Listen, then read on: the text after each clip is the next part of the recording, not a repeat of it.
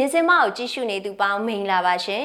ဒီကနေ့ဩဂတ်30ရက်နေ့ည9:00နာရီထိနောက်ဆုံးရရှိထားတဲ့ပြည်တွင်းနဲ့နိုင်ငံတကာသတင်းတွေကိုတင်ဆက်ပေးပါမယ်ရှင်ကျွန်မတော့စန်းချိန်ပါရှင် NLD ရက်ကြီးဥက္ကဋ္ဌနေအိမ်ကနေရွှေငွေပစ္စည်းကျပ်သိန်း150ကျော်စစ်ကောင်စီသိမ်းယူတဲ့တဲ့ရင်တောင်ရင်မြတ်အောက်ဘက်ကကောကော်ထနေရာမှာတိုက်ပွဲဖြစ်ခဲ့ပါတယ်။ PDF ဟန်ဆောင်ထားတဲ့စစ်ကောင်စီတပ်သားတွေဒဇယ်ကရွာတွေထဲဝင်မွေနေတဲ့အကြောင်း ရန်ကုန်ကချင်းလူမျိုးတွေအတွက်တန်ဇလက် COVID-19 Care Center ဖွင့်လှစ်မယ်ဆိုတဲ့သတင်းတာလီဘန်အဖွဲ့ကအမျိုးသမီးတွေကိုတက္ကသိုလ်တက်ခွင့်ပြုမယ်ဆိုတဲ့သတင်းတွေကိုတင်ဆက်ပေးချင်ပါတယ်ရှင်။ပထမဆုံးတင်ဆက်ပေးချင်တဲ့သတင်းကတော့စစ်ကောင်စီတပ်ဖွဲ့ဝင်တွေကမန္တလေးမြို့မဟာအောင်မြေမြို့နယ်တန်လက်မော်အနောက်ရက်ကွက်က NLD ရက်ကျေးဥက္ကဋ္ဌဦးကျော်ဦးကိုနေအိမ်မှာလာဖမ်းခဲ့ပါတယ်။ဩဂတ်28ရက်ညဘက်7:00နာရီခွဲလောက်မှာလာဖမ်းတာပါ။ ဒါပေမဲ့ဦးကျော်ဦးကိုမသွေးလို့မိသားစုဝင်တွေကိုနှိပ်စက်ပြီးနေအိမ်မှာရှိတဲ့ရွှေငွေပစ္စည်းကျပ်သိန်း150ကျော်ကိုစစ်သားတွေကယူဆောင်သွားတယ်လို့ဦးကျော်ဦးရဲ့ဇနီးဖြစ်သူကမြေစင်းမကိုပြောပြပါဗျ။စစ်သားတွေထပ်ပြီးရောက်လာမှဆိုလို့လက်ရှိမှာတော့မိသားစုလိုက်ရှောင်သိမ်းနေရပါတယ်။ အဲ့ဒီနေ့ကအဖြစ်ပြက်နဲ့ပတ်သက်ပြီးဦးကျော်ဦးရဲ့ဇနီးပြောပြတာကတော့သူတို့ကခြံကျော်ဝင်လာပြီးကျမတို့အားလုံးကိုမှောက်ခိုင်းထားပြီးတအားနှိပ်စက်တော့တာပဲတားကိုလည်းလက်ပြန်ကျိုးတုပ်ရိုက်တယ်ကျမလွဲထားတဲ့ပစ္စည်းတွေရောပုံးလေးတွေနဲ့ထည့်ထားတဲ့ပစ္စည်းတွေရောမှွေနောက်ယူသွားတယ်တိန်း150ကျော်တယ်လို့ပြောပါတယ်မဟာအောင်မြေမြို့နယ်ကမန္တလေးတိုင်းလွတ်တော်ဥက္ကဋ္ဌဦးကျော်ဦးရဲ့နေအိမ်နဲ့ အဲ့ဒီအိမ်မှာဖွင့်ထားတဲ့အမျိုးသားဒီမိုကရေစီအဖွဲ့ချုပ် NLD ရုံးတဲကိုလည်းဝင်ရောက်ဖျက်ဆီးတာနေအိမ်ကလူတွေကိုရိုက်နှက်တာပစ္စည်းတွေဖျက်ဆီးယူဆောင်တာတွေလည်းပြုလုပ်ခဲ့တာဖြစ်ပါတယ်မနေ့ကညပိုင်းမှာလည်းအကြမ်းဖက်စစ်ကောင်စီလက်နက်ကင်အဖွဲ့တွေကတန်လှည့်မော်အနောက်ရက်ကွက်ကနေအိမ်တချို့ကိုလည်းဝင်းရှာတာတွေလုပ်ခဲ့ပါသေးတယ်။ PDF ဟန်ဆောင်ထားတဲ့စစ်ကောင်စီတပ်သားတွေဟာစကိုင်းတိုင်းဒေသကြီးဒဇယ်မြို့နယ်လိတ်ချံကျေးရွာအတွင်းကိုအင်အား20ခန်းနဲ့ဝင်ရောက်ပြီးရွာအတွင်းတောင်းကျမ်းပြီးတော့တက်ဆွဲနေတဲ့အတွက်ရွာသားတွေထွက်ပြေးသိမ်းရှောင်နေရတယ်လို့သိရပါဗျ။ သူတို့ကအယက်သားဝစ်စားတွေနဲ့ပြည်သူ့ကာကွယ်ရေးတပ်သားလိုဟန်ဆောင်ပြီးဝင်လာတာဒီနယ်ဘက်မှာ PDF တွေကိုတောင်းနှင်းရှာတဲ့ပုံစံမျိုးလုပ်နေကြတာအစကတော့စစ်သားတွေမှမသိဘူးနောက်အနီးကပ်ရောက်လာကြတော့စစ်သားတွေဆိုပြီးတရွာလုံးပြေးဟဲလွှားဟဲဖြစ်ကုန်တာပါလို့ဒေတာခန်တဦးကဆိုပါတယ်အဲ့ဒီနောက်မှာတော့မနေ့ကဩဂတ်လ29ရက်မှာ တက်အင်အား80ခန်းနဲ့ထက်မှန်ဖြည့်တင်းတက်ဆွဲနေတယ်လို့ဒေတာခန်တွေရဲ့ပြောစကားအရသိရပါတယ်ဒီလိုအင်အားဖြည့်တင်းထားတဲ့တပ်သားတွေဟာကျေးရွာတွေကိုတနက်တွေပြစ်ဖောက်ဝင်ရောက်ပြီးတော့အိမ်အတွင်းရှာဖွေမှုတွေပြုလုပ်ခဲ့တာပါ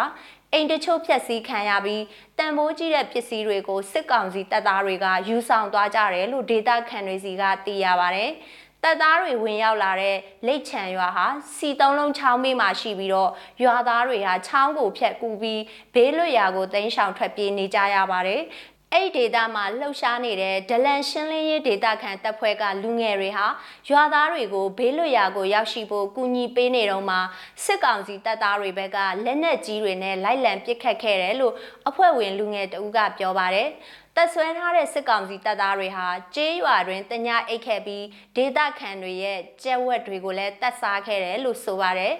ကျေးရွာမှာတပ်ဖြတ်ခံရသူမရှိပေမဲ့လည်းအဆက်အသွယ်ပြတ်တောက်နေတဲ့ရွာသား9ဦးခန့်ရှိတယ်လို့သိရပါတယ်ရှင်။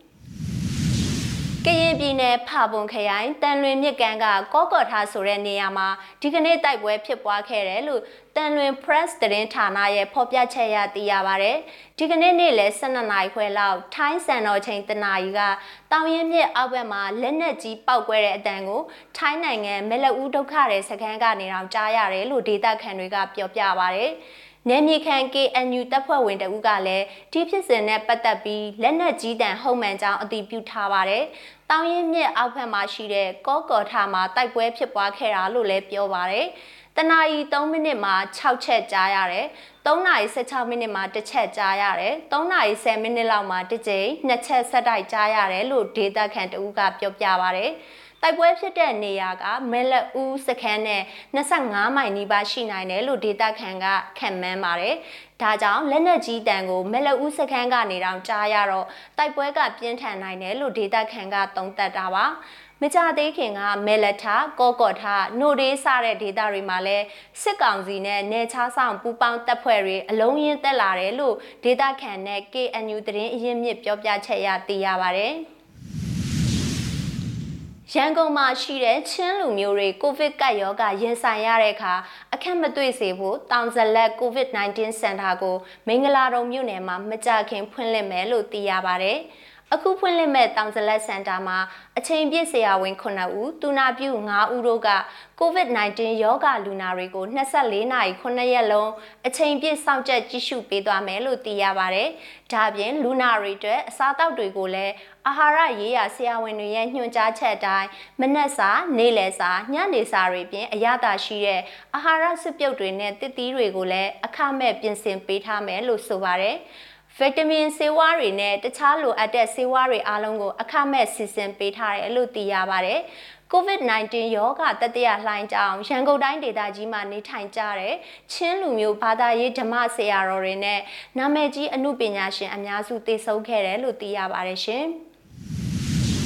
ဆက်လက်ပြီးအာဖဂန်မှာရှိတဲ့အမျိုးသမီးတွေကိုတာလီဘန်အဖွဲ့ကတက္ကသိုလ်တက်ခွင့်ပြုမယ်ဆိုတဲ့နိုင်ငံတကာသတင်းကိုလည်းရှုစားရအောင်ပါရှင်။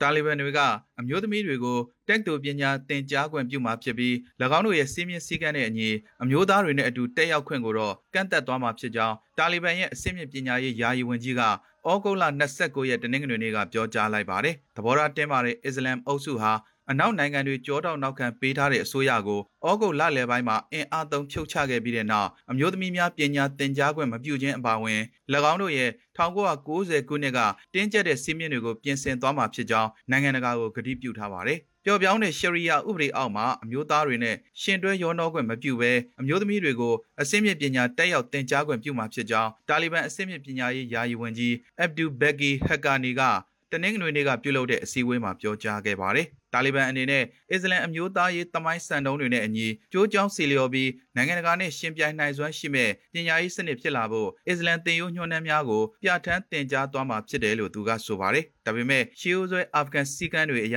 မိန်းကလေးနဲ့ယောက်ျားလေးတီးတန့်ခွဲခြားတင်ကြားမှုကိုတော့မူလာတန်းနဲ့အလဲတန်းတွေမှာကတည်းကစတင်မှာဖြစ်ပါတယ်။တာလီဘန်အုပ်စုဟာအမျိုးသမီးအခွင့်အရေးတွေကိုလေးစားလိုက်လျောဖို့ကတိပြုထားပေမဲ့၎င်းတို့ရဲ့တင်းကျပ်တဲ့အစ္စလာမစ်စီကန်းဘောင်အတွင်းမှာသာ ဖြစ်တယ်လို့ဆိုလိုတာကြောင့်အမျိုးသမီးတွေအနေနဲ့အဆင့်အားလုံးမှာအမျိုးသားတွေနဲ့တန်းတူအလုပ်လုပ်ကင်ခွင့်နဲ့ပညာသင်ကြားခွင့်ရမှာလားဆိုတာကအရေးအကြီးဆုံးမေးခွန်းတွေတဲကတစ်ခုဖြစ်လာခဲ့ပါတယ်။ဒါပေမဲ့နိုင်ငံကိုတာလီဘန်တစိမ့်ပြန်ကတ်တဲ့နေရာမှာ၎င်းတို့ပေးထားတဲ့ဂတိကဝတ်တွေအတိုင်းတီပမလားဆိုတဲ့မေကွန်ပေါင်းများစွာရဲ့တန်တရားတွေအများကြီးရှိနေခဲ့ကြသလိုတင်းနှင်းငွေတွေကကပူးမှာပြုတ်လုပ်တဲ့အကြီးတန်းတာလီဘန်အရာရှိတွေရဲ့အစည်းအဝေးမှာအမျိုးသမီးတဦးမှမပါဝင်တာကိုတွေ့ရပါတယ်။အစင်းမြင့်ပညာရေးဝန်ကြီးဌာနကတက်တိုတွေပြန်ဖွင့်ဖို့ကိစ္စအတွက်ကျောင်းဆရာတွေကျောင်းသားတွေနဲ့ပဲဆွေးနွေးညှိနှိုင်းခဲ့တယ်လို့အရင်အစိုးရလက်ထက်ကအမျိုးသမီးတက်တိုကတိကတူကပြောပါတယ်။ဒါအဆုံးဖြတ်ချက်ချမှတ်တဲ့အပိုင်းမှာအမျိုးသမီးတွေပါဝင်ခွင့်ကိုတမင်ကန့်တက်လိုက်တာဖြစ်ပြီးတာလီဘန်တွေရဲ့ဂတိနဲ့လှုပ်ဆောင်မှုကြားကကွာဟချက်ကိုပြသလိုက်တာဖြစ်တယ်လို့သူမကဆိုပါတယ်။တက်တိုဝင်ခွင့်ရဥယေဟာ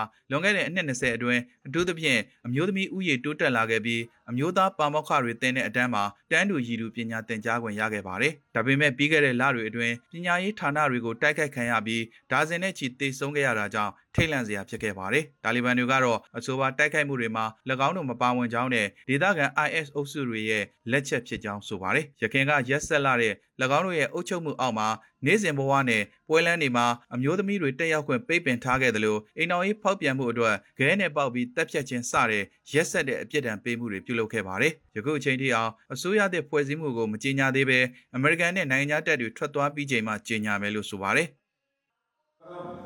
افغانستان مجاهد او پروا ملت ته د شرعي احکام په رڼا کې အာဖဂန်ပြည်သူတွေအနေနဲ့ပျော်ပြောင်းတဲ့ရှရီယာဥပဒေအောက်မှာလုံခြုံစွာနဲ့အစစ်မြစ်ပညာရေးကိုဆက်လက်စီးပူးခွင့်ပြုမှာဖြစ်ပြီးမျိုးသားအမျိုးသမီးအတူရှင်တွဲတက်ရောက်ခွင့်ကိုကန့်သက်ထားမှာဖြစ်တယ်လို့အစစ်မြစ်ပညာရေးယာယီဝန်ကြီးအဗ်ဒူဘာဂီဟာကာနီကဆိုပါတယ်တာလီဘန်အနေနဲ့အစ္စလာမစ်အမျိုးသားရေးတမိုင်းစံနှုန်းတွေနဲ့လျော်ညီတဲ့နိုင်ငံတကာအဆင့်မီပညာရေးစနစ်တစ်ခုဖန်တီးနိုင်ဖို့ကြိုးစားသွားမှာပါလို့သူကဆိုပါတယ်။ လုပ်ငန်းခွင်မှာပညာရေးချိုးတဲ့နေတဲ့မူဂျာဟစ်ဒန်တွေကိုအထူးပညာရေးသင်ကြားနိုင်ဖို့အခွင့်အလမ်းတွေပေးသွားမှာဖြစ်တယ်လို့သူကဆိုပါတယ်။